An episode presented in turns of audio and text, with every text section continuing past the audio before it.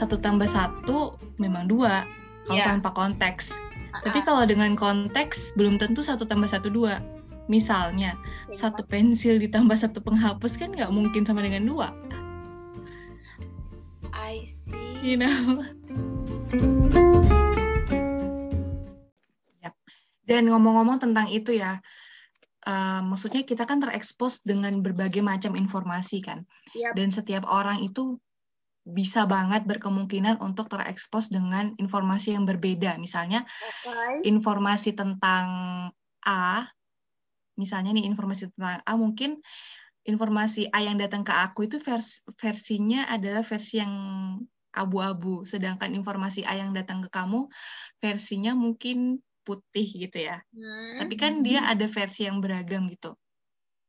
Dan kebanyakan orang itu terlalu eh, apa namanya percaya sama informasi yang dia dapatkan di awal gitu kan. Memang itu itu juga dibahas sih di di Thinking Fast and Slow. Dan eh, menariknya menariknya tapi itulah yang membuat kita tuh kadang-kadang apa namanya Bentar, bentar. Aku berar- belum, aku belum, beragu beragumen. Kenapa? aku belum nangkap, nangkep yang soal think fast. Jadi kita selalu percaya bahwa informasi yang pertama kita dengar kayak gitu.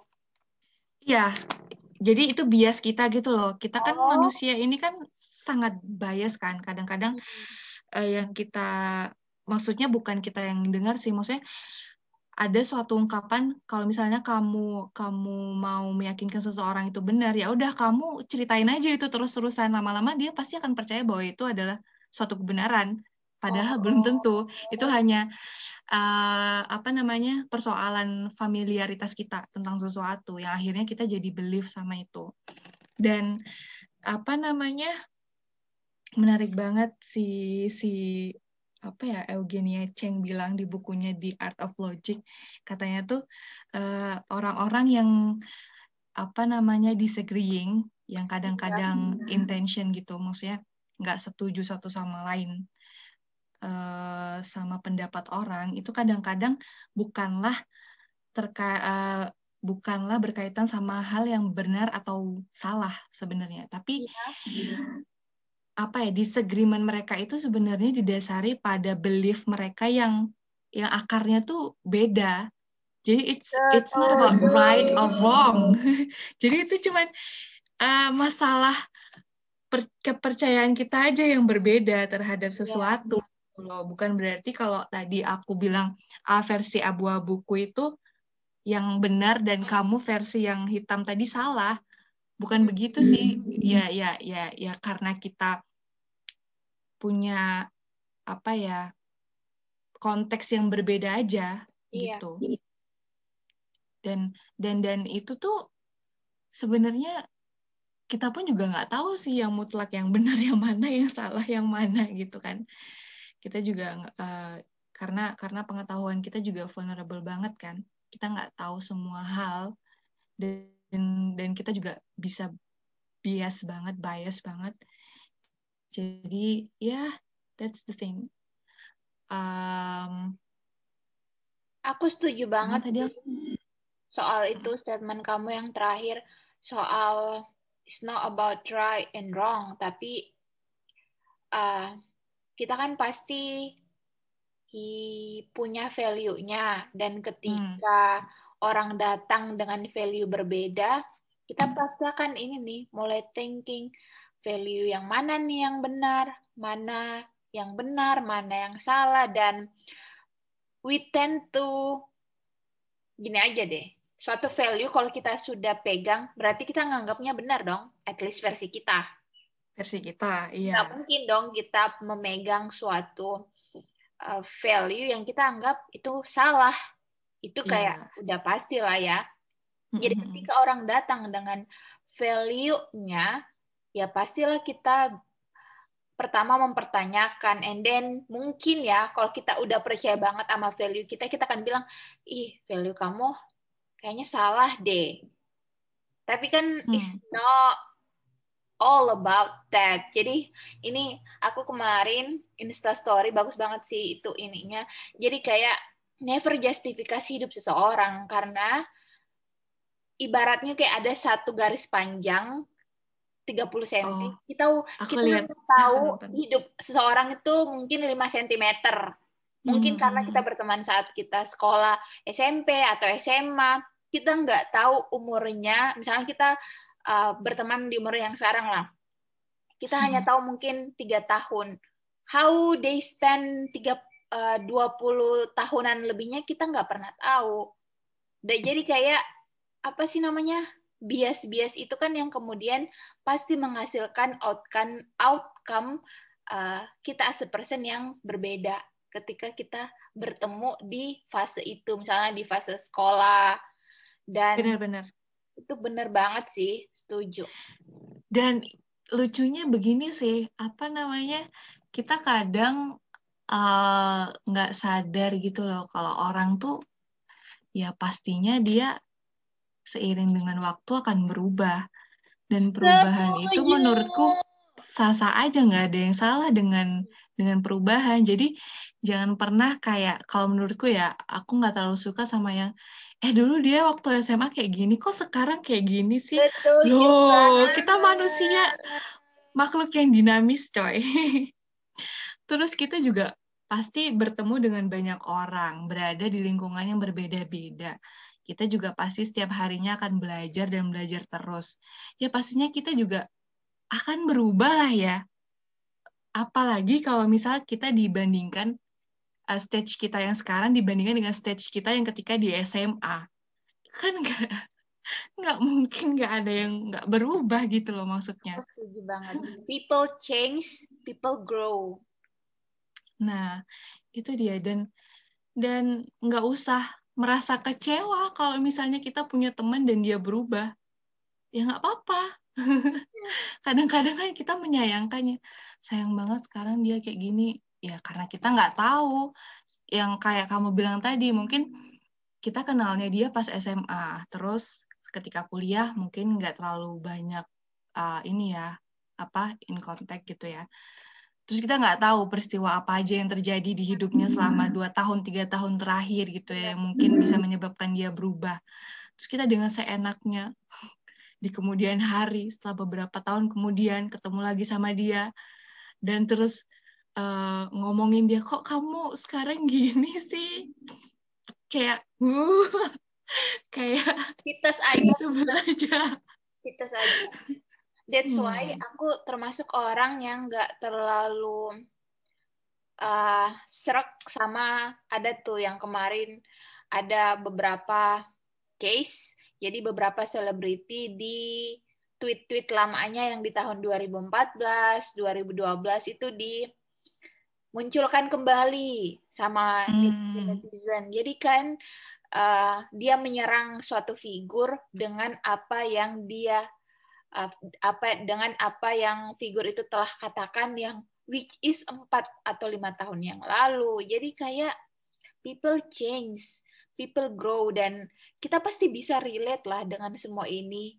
Uh, kita itu berubah setiap hari kita belajar bahwa yang ini kayaknya kita salah deh, approach-nya harus dirubah. Akhirnya hmm. cara kita menghadapi masalah yang sama dua tiga tahun belakang dan kalau dihadapi dengan eh, di, dikasih dengan masalah yang sama di umur yang sekarang ya pasti berbeda karena kita udah belajar we learn by our mistake kan dan that's why kayak itu nggak polite aja sih itu maksudnya nggak respectful banget menyerang seseorang dari statement Twitter yang mereka ucapkan tiga atau empat tahun yang belakang. Dan tapi di sisi lain akhirnya dengan case-case seperti itu kita akhirnya belajar bahwa uh, jejak digital matters. Jadi kayak be mindful when we want to make any statement on social media. Karena ya seperti itu sih di sisi lain kita belajar bahwa people change dan people grow. Di sisi lain juga kita belajar bahwa si kita harus lebih uh, be careful dengan apa yang kita akan utarakan uh, ketika ini udah mau di statement ini mau dilempar ke dunia hmm. maya. Iya dan itu adalah suatu proses berpikir juga kan. Maksudnya ketika kita sampai pada kesadaran-kesadaran seperti itu kan ada proses berpikir yang sudah kita lalui yang mana itu adalah salah satu efek atau dampak dari pendidikan gitu. Kalau hubungannya sama pendidikan ya kan. Kita BTW ngomongin pendidikan tapi udah jauh ke mana-mana nih. Jadi kalau ngomong-ngomong soal pendidikan ya kayak gitu sih. Jadi kan bisa di link back ke hal yang kita sepakati tadi bahwa um, pendidikan nggak hanya gimana buat kita pintar, tetapi how we gonna survive kan. Dan hmm. yang seperti tadi uh, skill-skill uh, memilih dan memilah apa yang kita peroleh, apa yang kita baca dari sosial media kan itu bisa buat kita survive. Sesederhana misalnya gini, aku tuh dulu punya kebiasaan setiap misalnya sakit kepala, sakit ini langsung ke Google. Uh, apa penyebab sakit kepala sisi kanan? Mhm. Tiba-tiba muncul penyakit ini, penyakit ini. Wow, guys, aku dengar penyakitnya aja nggak pernah dengar. Jadi kayak Nah, itu kan uh, menurut aku itu bagian dari survive loh. Jadi kayak akhirnya aku belajar untuk memfilter informasinya. Yang mana nih gejalanya yang lebih approachable, yang lebih sesuai dengan aku. Dan akhirnya hmm. dari situ mungkin aku nggak mentah-mentah mengikuti suggestionnya. Mungkin aku tanya ke teman aku yang dokter. Itu kan bagian dari survive. Bayangkan kalau aku tidak memiliki skill dalam memfilter itu kan uh, uh, tidak memiliki kemampuan dalam memfilter informasi itu. I think I'm not gonna survive. Bayangin kalau aku baca terus katanya penyakit ini, terus tiba-tiba harus makan obat ini. Ya kali aku sehat. Jangan-jangan aku ya, udah nggak ada di dunia ini. Jadi kan itu bisa link back banget sih. Jadi kan edukasi dan itu nggak apa sih namanya pelajaran itu kan bisa didapatkan di sekolah, critical thinking bisa juga didapat di luar sekolah. Mm-hmm. Akhirnya mm-hmm. kalau misalnya di luar sekolah uh, kita belajar bahwa ini statement dari Google ini terlalu berlebihan itu kan mm-hmm. tapi dari sekolah mm-hmm. kita belajar bahwa ada critical thinking ketika kita membaca sesuatu we have to looking for another perspective baca satu jurnal tidak pernah cukup baca dua tiga empat lima akhirnya itu yang menstimulasi aku contohnya mm. baca halaman page kedua page ketiga dan mengcompare semuanya yang mana paling reasonable yang mana mm-hmm. sesuai dengan aku mm-hmm. ya seperti yang kita setuju tadi aja sih kalau kamu berada di suatu posisi uh, situasi di mana kamu terstimulasi untuk berpikir think, itu mm -hmm. edukasi. Mm -hmm. That's yeah, yeah, yeah. so education is everywhere. Everywhere, termasuk nih kalau aku pengalamannya agak menarik sih. Uh, apa namanya? Aku bandingin uh, perilaku aku untuk membeli barang misalnya ya. Barang yeah. elektronik lah uh, katakan. Kalau dulu itu aku pasti yang ku consider adalah produk yang kayaknya bagus gitu. Maksudnya kalau misalnya kita googling tuh kan ada nih spek-speknya.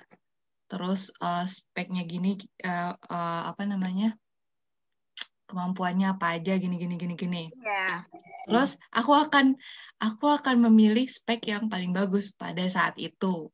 Hmm. Sekarang beda. Walaupun ada spek yang paling bagus, aku tidak akan serta-merta memilihnya. Tapi aku akan berusaha untuk menyesuaikan dengan kebutuhanku yang benar-benar aku butuh apa. Aku butuh spek yang seperti apa. Benar. Tuh. Jadi ketika kemarin itu uh, aku memutuskan untuk membeli satu device baru, gitu ya, alat elektronik baru, aku tuh ngabisin berhari-hari untuk riset di YouTube sih kalau aku.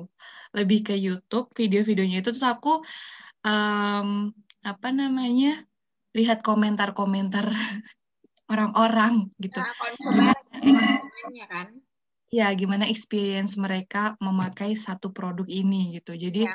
aku nggak cuman tahu speknya aja dari googling, biasanya kan banyak ya speknya udah dijelasin hmm. gimana gimana. Tapi kan di luar dari itu pengalaman uh, konsumennya kita juga harus dapat infonya gitu kan. Dan itu hmm. bisa dicari lewat bukan lewat Google, ya lewat Google mungkin ada, cuman ada banyak source yang lain juga selain cuman halaman page di Google gitu dan itu sih menurutku yang yang yang yang beda banget yang aku rasain dulu sama sekarang kalau beli barang elektronik. And that's itu Iya, dan itu tuh menurutku sederhana sih, sederhana, tapi kita belajar untuk jadi mindful atas hal-hal yang kita konsumsi. Bener nggak sih? Kita butuh ini, kita butuh barang itu, gitu kan nanti kita spend banyak uang ternyata spesifikasinya ada yang nggak kepake sama kita. Kan istilahnya mana-mana iya. Gitu. Gitu sih kalau pengalamanku yang paling sederhana.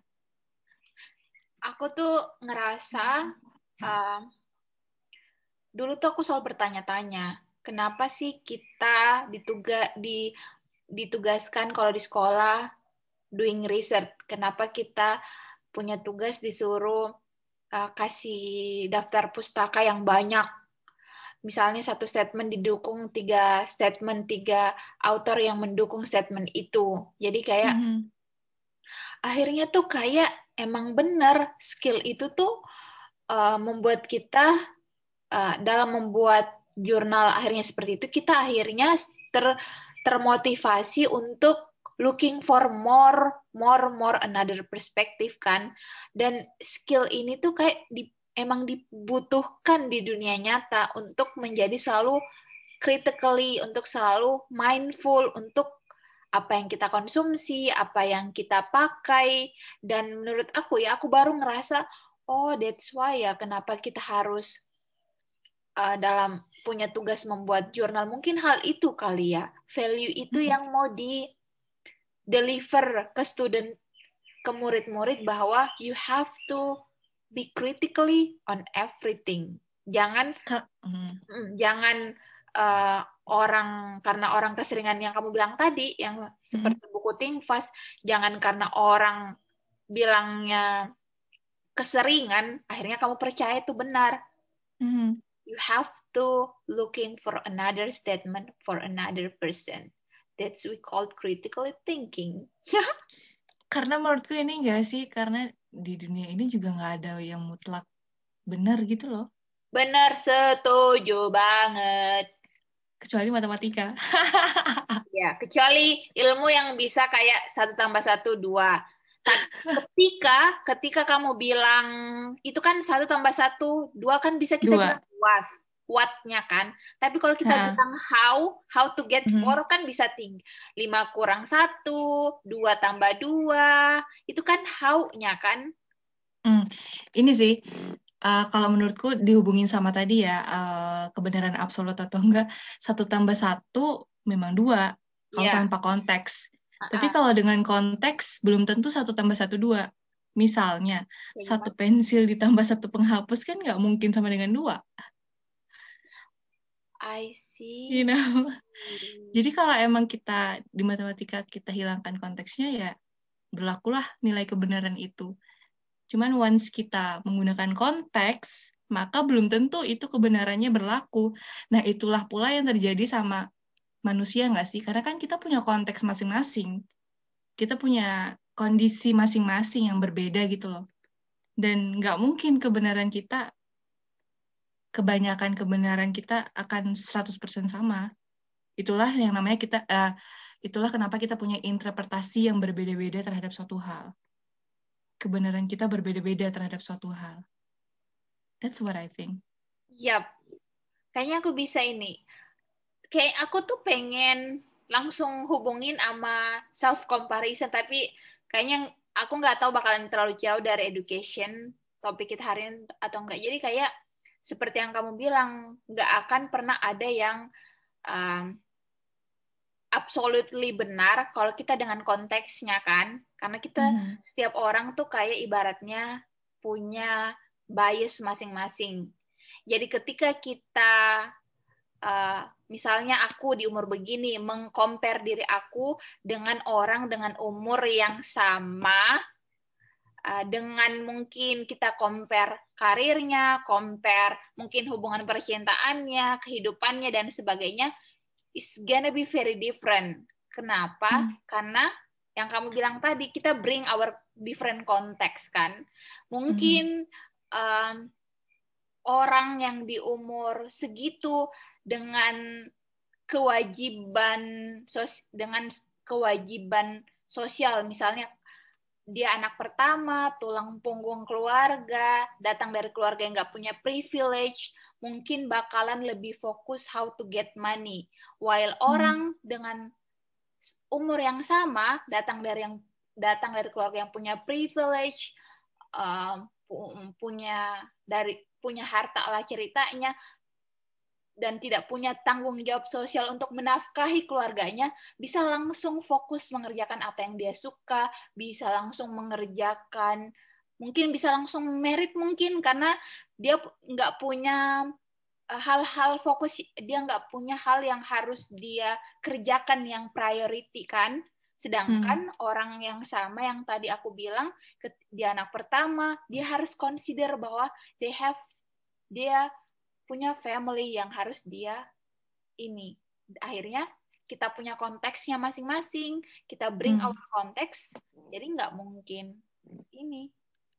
Oke, menarik sih. Itu kalau untuk perbandingan antara dua orang yang berbeda ya. Kalau aku yeah. sempat kepikiran uh, perbandingan tentang diriku sendiri misalnya di waktu yang berbeda kadang-kadang kamu pernah nggak sih ngerasain kayak misalnya hari ini tuh aku males banget ya, entah mungkin karena capek atau lain sebagainya. Terus besoknya aku nyesel, kenapa kemarin aku males-malesan? Pernah nggak begitu? Banget. Tapi aku sempat sampai pada suatu pemikiran bahwasanya, oh iya ya, harusnya aku nggak terlalu semenyesal ini gitu. Aku, harusnya aku juga bisa lebih berempati sama diriku yang kemarin. Karena memang yang kemarin itu yang aku rasakan adalah capek. Entah itu capek secara physically atau mentally, apa pun lah itu.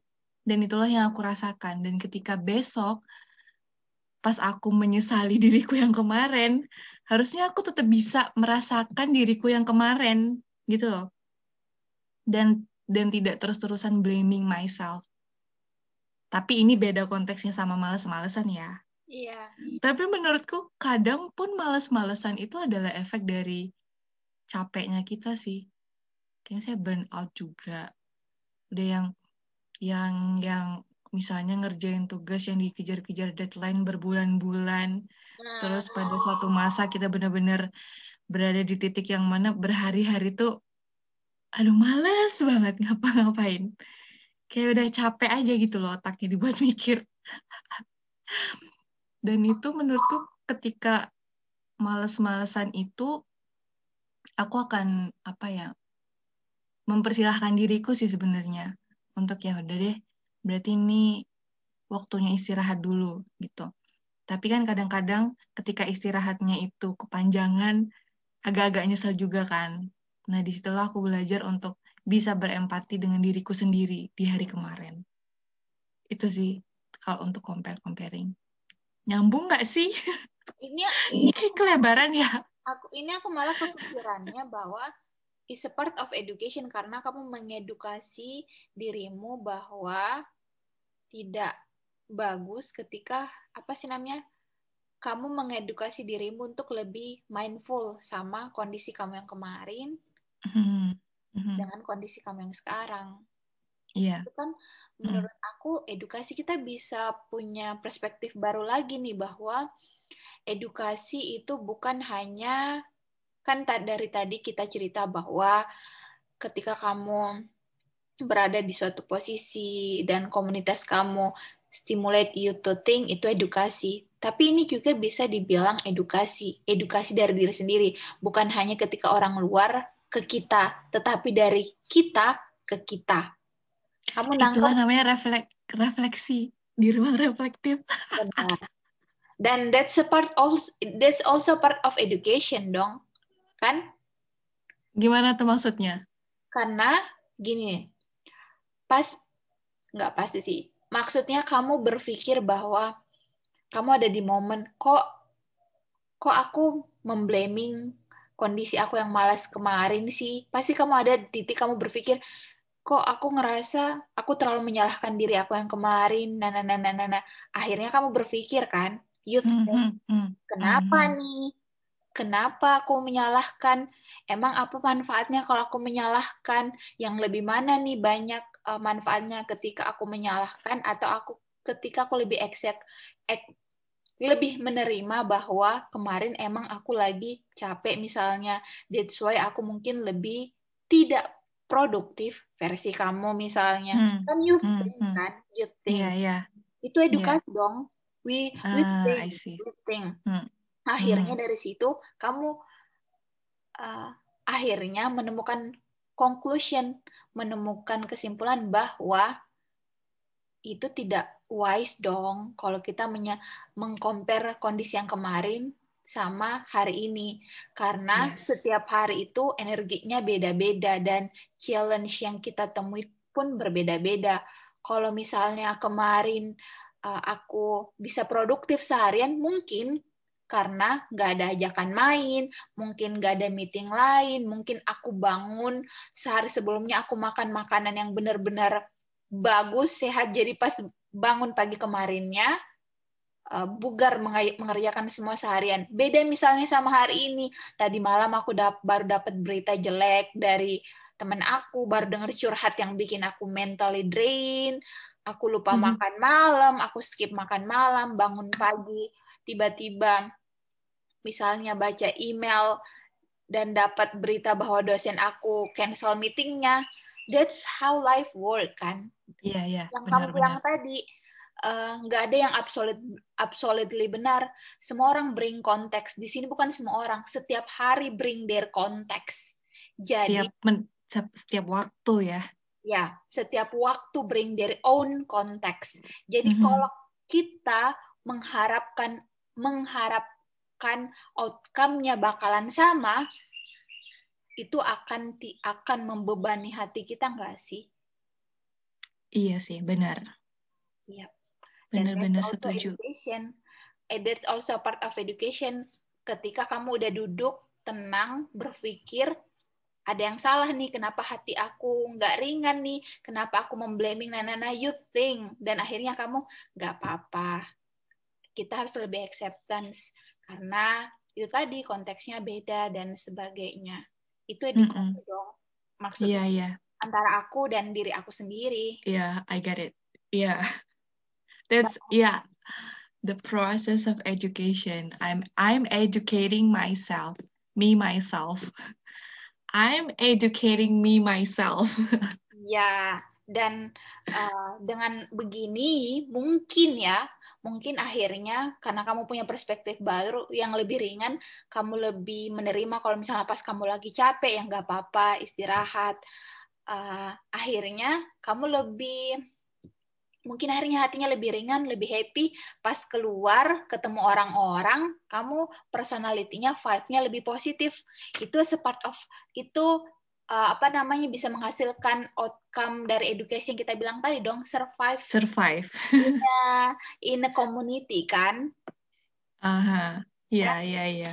Bisa banget sih. Kayak setelah dipikir-pikir dari hasil diskusi kita nih kayak bener juga ya edukasi is totally broad. Intinya yeah. when kamu think itu edukasi. Edukasi juga bukan dari luar ke dalam, tapi bisa dari diri kamu ke diri kamu juga. Jadi kayak, wow, it is another perspective that we learn today. Berkontemplasi, berefleksi atas pengalaman-pengalaman diri sendiri di ruang reflektif. Iklan. ya gitulah. Jadi sebenarnya pendidikan luas banget ya, maksudnya tadi prosesnya juga bisa beragam. Iya. Subjek objeknya juga bisa berbeda-beda. Setuju. tujuannya juga, tuh. outputnya juga. Setuju. Semuanya relatif ya kayaknya. Jadinya.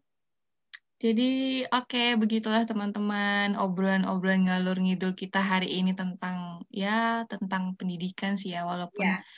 agak-agak luas tapi semoga kalian bisa ngambil sesuatu yang bisa bermanfaat buat kalian Hmm. dan kita Eh. cukupkan episode ya Pendidikan, aku pengen bilang aja pendidikan, definisi pendidikan versi kita. Pendidikan untuk hidup. Yap.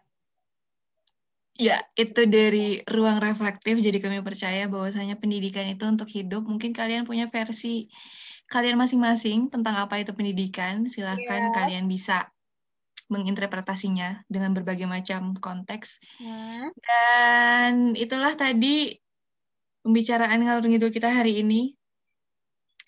Semoga kalian menikmati dan sampai jumpa di episode selanjutnya. Sampai jumpa, Bye. teman-teman.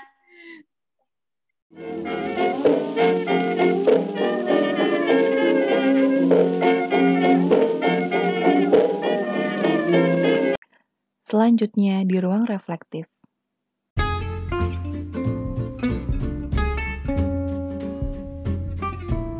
Bahkan kalau misalnya nih ya kita streaming satu jam, kira-kira kurang lebih satu jam eh, video di Netflix itu tuh sama dengan kita mengkonsumsi energi yang bisa digunakan untuk menyalakan lampu lampu LED atau lampu ya sekitar lima hari untuk satu video streaming satu jam.